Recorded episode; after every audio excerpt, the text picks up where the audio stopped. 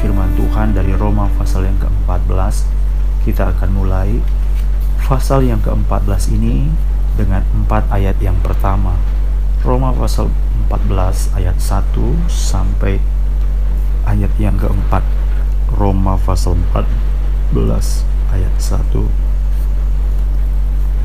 sampai ayat yang keempat. Demikianlah firman Tuhan. Terimalah orang yang lemah imannya tanpa mempercakapkan pendapatnya, yang seorang yakin bahwa ia boleh makan segala jenis makanan, tetapi orang yang lemah imannya imannya hanya makan, hanya makan sayur-sayuran saja. saja. Siapa, Siapa yang makan janganlah menghina orang yang tidak makan. Dan siapa yang tidak makan janganlah menghakimi orang yang makan. Sebab Allah telah menerima orang itu. Siapakah kamu sehingga kamu menghakimi hamba orang lain? Entahkah ia berdiri, entahkah ia jatuh, itu adalah urusan tuannya sendiri. Tetapi ia akan tetap berdiri, karena Tuhan berkuasa menjaga dia terus berdiri. Umat-umat yang dikasih Allah, pagi hari ini kita sampai kembali lagi pada pertentangan atau perbandingan yang dikerjakan tentang hukum Taurat, tentang hari-hari, tentang sesuatu makanan yang ditanyakan kepada iman Kristen. Kali ini perbedaannya adalah orang-orang atau jemaat di Roma. Kalau beberapa waktu yang lalu kita sempat membicarakan tentang apa yang terjadi dengan orang-orang di Galatia. Alkitab berkata dalam ayat 1, terimalah orang yang lemah imannya tanpa mempercakapkan pendapatnya. Jadi lemah iman. Ayat yang kedua, yang seorang yakin bahwa ia boleh makan segala jenis makanan, tetapi orang yang lemah imannya, jadi lemah iman lagi ya, hanya makan sayur-sayur saja.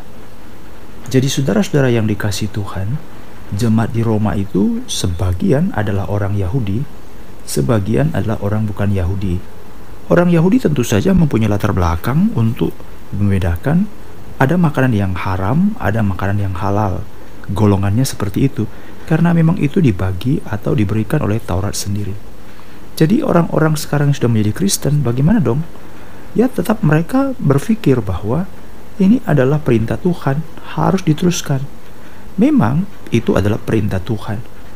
Tapi harus kita ingat dengan sungguh-sungguh bahwa orang Kristen dan orang yang bukan Kristen atau kalau pada waktu itu orang Yahudi dan bukan Yahudi sama-sama perlu iman. Jadi mereka tidak diselamatkan hanya karena menjalankan perintah-perintah Taurat yang memang datang dari Allah karena Taurat itu tidak menyelamatkan. Tetapi Taurat itu adalah penuntun sampai kepada Kristus. Sehingga pada waktu seorang percaya kepada Kristus, maka orang itu akan mulai beralih meninggalkan atau melepaskan segala kebiasaan lama yaitu pelaksanaan Taurat tadi secara perlahan sampai akhirnya hukum Taurat itu akan memang berhenti dengan terhormat. Jadi hukum Taurat itu kudus, suci, benar, adil. Tidak ada yang salah di sana. Tetapi itu bukanlah merupakan satu hal yang membawa kepada keselamatan. Jadi perbedaan antara jemaat di Galatia dengan jemaat di Roma, jemaat di Galatia menjalankan Taurat atau mereka diberitahukan bahwa menjalankan Taurat adalah syarat untuk keselamatan. Atau setelah engkau diselamatkan, engkau harus menambahkan Taurat supaya keselamatannya menjadi sempurna. Itu yang terjadi di surat Galatia. Tetapi sebelum surat ini ditulis kepada jemaat di Roma, Paulus bukan membicarakan tentang Taurat sebagai keselamatan, tetapi karena ada orang yang lemah imannya, 14 ayat 1, 14 ayat 2 surat Roma, jemaat-jemaat di sini lemah imannya. Kalau dia orang yang bukan Yahudi ya hantam kromo, nggak ada masalah. Tapi kalau dia orang Yahudi, dia udah terbiasa loh. Terbiasa ikut hukum Taurat, terbiasa ikut sabat, terbiasa tidak makan ini, tidak makan itu, harus makan begini, harus makan begitu. Mereka terbiasa. Jadi bagaimana dong? Maka Paulus sebagai hamba Allah memberikan nasihat kepada mereka. Perhatikan, ia berkata seperti ini, "Kalau kamu melihat ada orang yang lemah imannya, terimalah dia. Terimalah dia tanpa mempercakapkan pendapatnya. Jangan kamu terima dia sambil tanya, kamu boleh menjadi jemaat Tuhan, tapi tanya dulu, kamu ini makan makanan haram atau tidak? Kamu ini masih ikut sahabat atau tidak? Gitu loh. Jangan, itu bukan soal utama. Soal paling utama adalah apakah kamu percaya bahwa Kristus sudah mati untuk dosa-dosamu?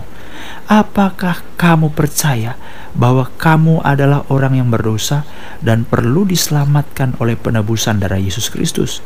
Apakah kamu percaya bahwa kita semua binasa tanpa anugerah Tuhan? Apakah kamu percaya bahwa Yesus Kristus sudah mati bagi dosa-dosa kita? Apakah kamu percaya? Jadi segala sesuatu tentang Injil dipaparkan kepada orang ini. Apakah dia sudah menerima? Apakah dia percaya? Apakah dia mau mengaku dosa dan meminta Tuhan menjadi Tuhan dan juru selamat bagi dia?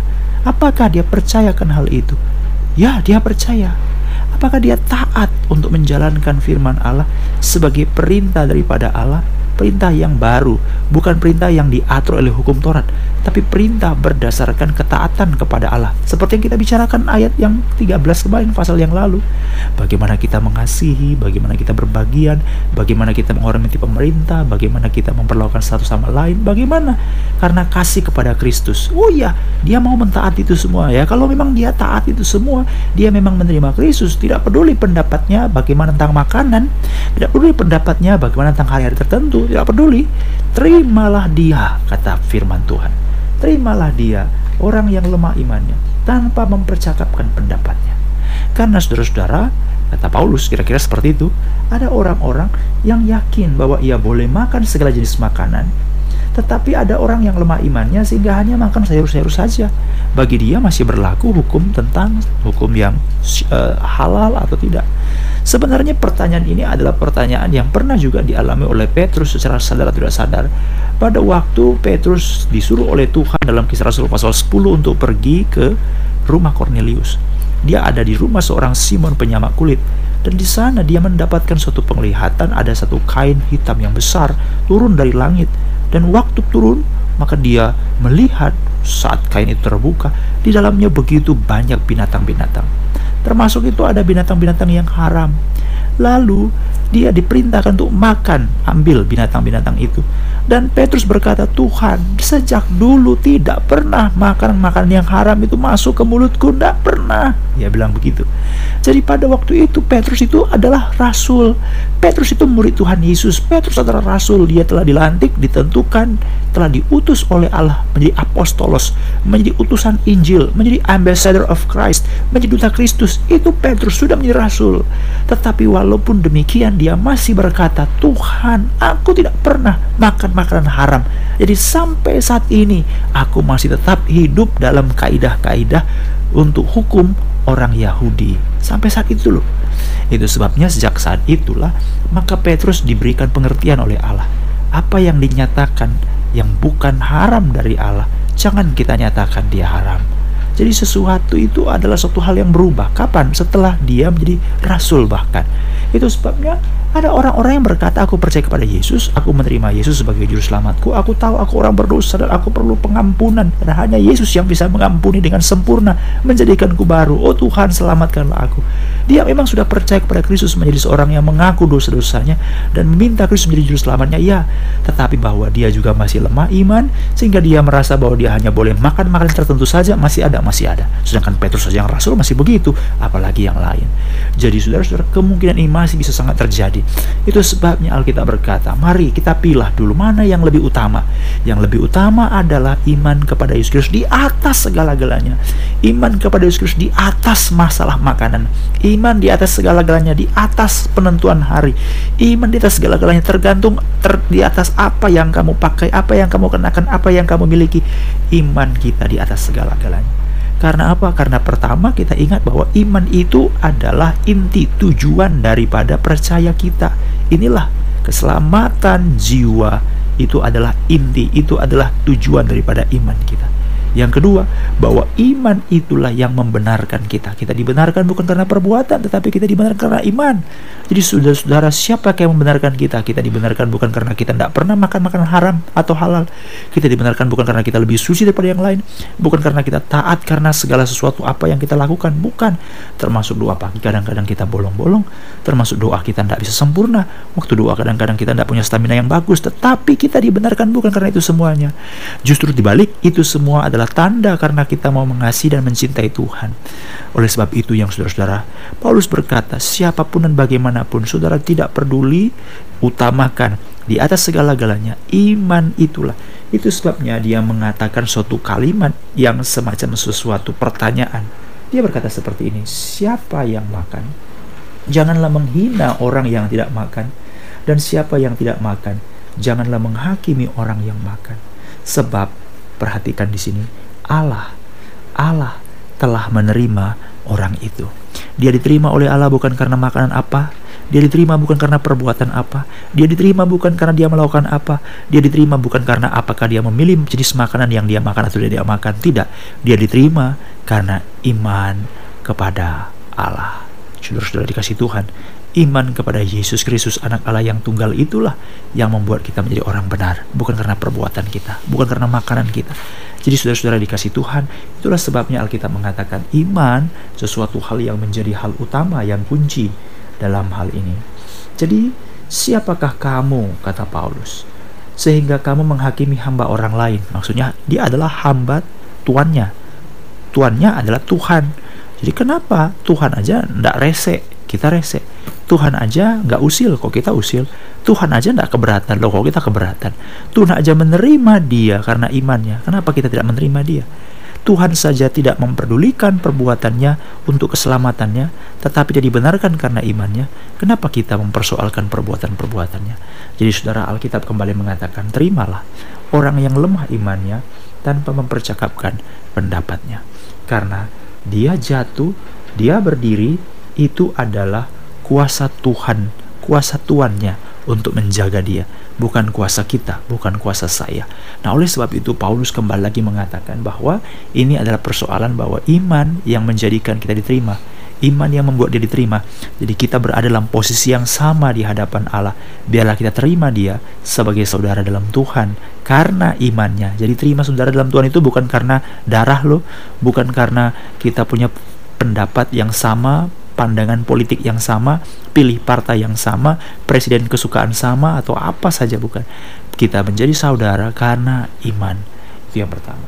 Dan yang kedua, Paulus mengatakan suatu fakta bahwa ada orang yang disebut dengan kelemahan iman. Jadi ada satu hal yang disebut dengan lemah iman. Ini membutuhkan perhatian sekali saudara-saudara bahwa orang yang lemah iman kiranya berdoa supaya Tuhan menambahkan iman kepada mereka. Tuhan kiranya menambahkan iman kepada mereka supaya Tuhan terus menolong dan memimpin. Karena apa? Karena dalam segala sesuatu bisa terjadi perpecahan. Karena iblis pun bisa menggunakan situasi-situasi seperti ini bukan hanya di kalangan orang tidak percaya, justru di kalangan orang percaya bisa terjadi perpecahan. 1 Korintus pasal 1 ayat yang ke-10, 1 Korintus pasal 10, 1 Korintus pasal 10 Paulus mengatakan, "Tetapi aku menasihatkan kamu saudara-saudara demi nama Tuhan kita Yesus Kristus supaya kamu seia sekata dan jangan ada perpecahan di antara kamu, tetapi sebaliknya supaya kamu erat bersatu sehati sepikir, sehati sepikir." Jadi saudara-saudara dikasih Tuhan ada begitu banyak hal yang terjadi karena apa? Karena dinamika, karena manusia, karena keadaan kita yang berdosa, kita penyesuaian dari hidup yang lama sekarang hidup yang baru. Kadang-kadang kita melakukan satu kebijakan selalu dipengaruhi hal-hal dalam diri kita dan kita teringat lagi Tuhan ampuni setelah Roh Kudus berbicara kepada kita. Tadi aku terlalu keras, terlalu kasar, terlalu mengarahkan sesuatu hal yang berakas standar yang tinggi. Kita tidak tahu banyak hal yang terjadi, tapi kita serahkan semua ke dalam tangan Tuhan karena kita melakukan semuanya ini untuk Tuhan. Oleh sebab itu biarlah kita memahami ada orang-orang yang memang lemah imannya. Dan orang yang lemah iman ini memang kita terima. Walaupun demikian, ini yang kedua saya katakan, yang pertama orang itu lemah iman kita terima, tapi yang kedua, orang yang lemah iman juga berdoalah supaya Tuhan beranugerah, berbaik hati, berbelas kasihan untuk menambahkan iman kepadanya. Karena Filipi pasal 3 15 sampai 16 itu mencatat kepada kita kita bukan menjadi orang yang seolah-olah lebih sempurna daripada orang lain, tidak. Tetapi kalaupun kita telah mendapatkan suatu takaran yang lebih baik daripada orang lain, Marilah kita berpikir mengarahkan pada pandangan yang di hadapan kita. Kita meninggalkan apa yang di belakang kita dan berlari-lari pada tujuan, yaitu panggilan surgawi. Jadi saudara-saudara, marilah kita melihat bukan pada hal-hal yang kecil, yang sepele, yang tidak mempengaruhi iman dan keselamatan. Mari tinggalkan itu semuanya. Dia makan apa, dia pakai apa, dia bikin bagaimana. Kalau sepanjang itu tidak mempengaruhi iman, tidak akan mempersoalkan iman, itu bukan soal yang penting. Mari kita bergumul, mari kita fokus pada hal-hal yang dapat mempengaruhi iman kita. Bagaimana engkau mendengar firman Allah, bagaimana engkau memahami firman Allah, bagaimana engkau mentaati firman Allah. Firman Allah berkata dalam Matius pasal yang ke-13, benih yang jatuh di pinggir jalan itu sama seperti orang yang mendengar firman tapi tidak mengerti. Lalu datanglah si iblis si jahat lalu mengambil firman itu sehingga tidak ada yang dia miliki dan firman itu tidak bertumbuh. Jadi bagaimana orang itu bisa mendengar firman? Bagaimana firman itu bisa dimengerti oleh orang tersebut? Bagaimana firman itu bisa bertumbuh? Nah, itu yang mari kita upayakan.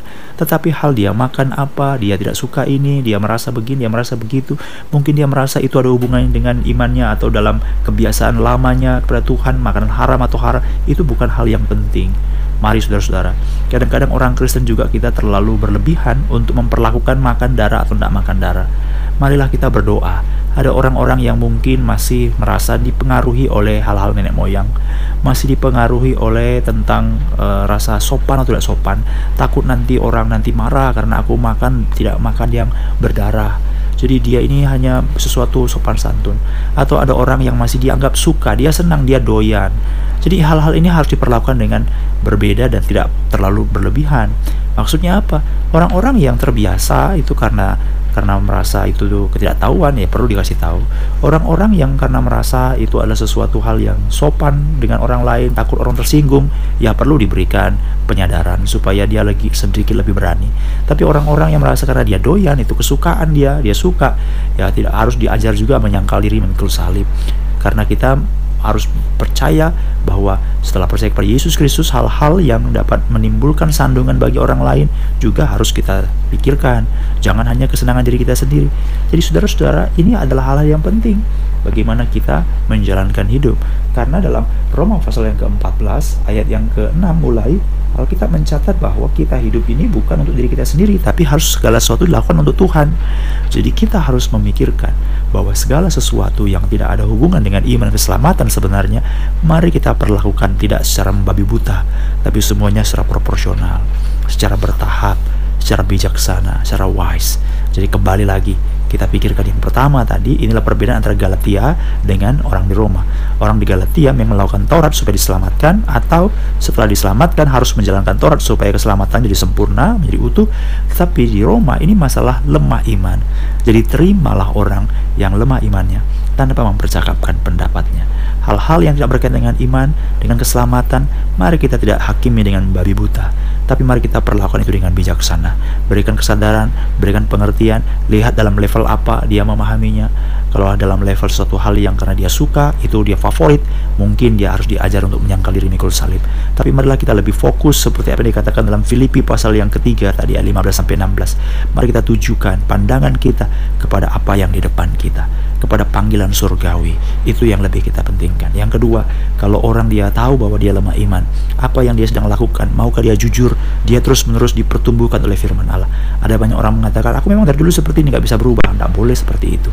Kalau engkau tahu bahwa engkau lemah iman, engkau adalah orang yang tidak sesuai dengan firman Allah, bukan dalam hal keselamatan memang, tapi dalam hal-hal etika, dalam hal-hal hidup sehari-hari, dan engkau tidak sanggup dan engkau tidak mau, maka engkau keliru, engkau jangan-jangan belum diselamatkan. Tapi kalau engkau mengatakan engkau orang diselamatkan, pasti engkau terbuka dengan firman Allah, sehingga bagian-bagian daripada firman Allah akan terus memperkokoh imanmu, sehingga hal-hal yang tidak berkaitan dengan iman, mungkin engkau senang melakukannya, tetapi mulai engkau bisa tinggalkan. Karena apa? Karena yang lebih penting adalah Hidup saya bukan untuk kesenangan saya, hidup saya bukan untuk diri saya, tapi hidup saya untuk Tuhan. Di pagi hari ini umat-umat Tuhan biarlah Tuhan menolong kita supaya dua hal ini kita renungkan dan makin kita mengasihi dan mencintai Tuhan. Mari kita berdoa. Bapa yang mulia, terima kasih pada pagi hari ini kami bersyukur kepadamu. Ajar kami untuk bijaksana, untuk melihat siapa dan bagaimana diri kami. Seringkali kami berhadapan dengan orang-orang yang belum percaya. Itu sebabnya kami perlu menceritakan Injil kepada mereka. Kami berhadapan dengan orang-orang yang mengaku sebagai orang yang sudah menerima Yesus sebagai Juru Selamat. Orang yang percaya kepada Kristus Yesus. Orang yang memang kami tahu hidupnya sangat taat kepada Tuhan, tetapi masih banyak hal-hal yang dia sangat percaya sebagai suatu hal bagian yang diperintahkan oleh Allah. Oh Tuhan, ajarlah kami supaya terus-menerus bertumbuh dalam iman. Karena kami kadang-kadang mengetahui ini adalah fenomena daripada orang-orang yang lemah iman. Jangan kami menjadi orang yang terganggu atau orang yang memiliki hubungan yang buruk dengan mereka-mereka hanya karena persoalan makanan-makanan, hanya karena persoalan-persoalan kecil yang tidak ada hubungan dengan iman. Tuhan tolonglah kami, berikan kepada kami iman. Kadang-kadang kami tidak serak dengan gereja lain karena nyanyian kami berbeda, karena cara kami berbeda.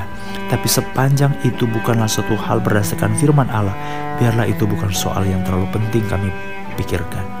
Oh Tuhan, jangan sampai kami membenci orang berdasarkan alasan yang tidak beralasan, tapi biarlah Tuhan boleh menolong kami supaya kami melihat segala sesuatu berdasarkan terang firman Allah. Yang ketiga kami berdoa biarlah kalau orang-orang yang lemah iman biarlah terus terbuka oleh firman-Mu, terus dibentuk oleh firman-Mu, supaya kami tidak tinggal dalam kelemahan kami, tapi kami terus mau bertumbuh, terus mau bertumbuh, semakin kuat dan semakin kuat dalam iman. Terima kasih Tuhan anugerahilah kami yang pertolongan, menyertai umat-umat-Mu sepanjang hari ini untuk hal yang kami perlu lakukan. Dan kalau siang hari nanti akan ada perayaan Natal, biarlah kiranya Engkau boleh menolong dan semua yang menyaksikan boleh kami sungguh-sungguh diberkati oleh firman Tuhan lawatlah dan perkenalkan terus anugerahmu pada setiap orang, anak-anak yang masih kecil, orang tua. Ingatkan, tidak ada seorang pun yang tidak perlu Injil. Kalau mereka belum menerima engkau sebagai juru selamat, lawatlah Tuhan dan anugerahi dengan iman keselamatan supaya mereka juga boleh percaya kepada engkau sebagai Tuhan.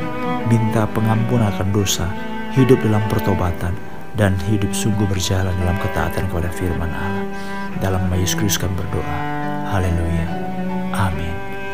Umat-umat Allah, demikianlah anugerah surga bagimu. Turunlah anugerah dari Allah Bapa. Cinta kasih oleh penebusan dalam Yesus Kristus. Persekutuan dan penghiburan Allah Roh Kudus menyertai menuntun hidupmu dari sekarang sampai Yesus datang kembali dalam nama Tuhan Yesus Kristus. Haleluya. Amin. Selamat pagi bagi saudara semuanya.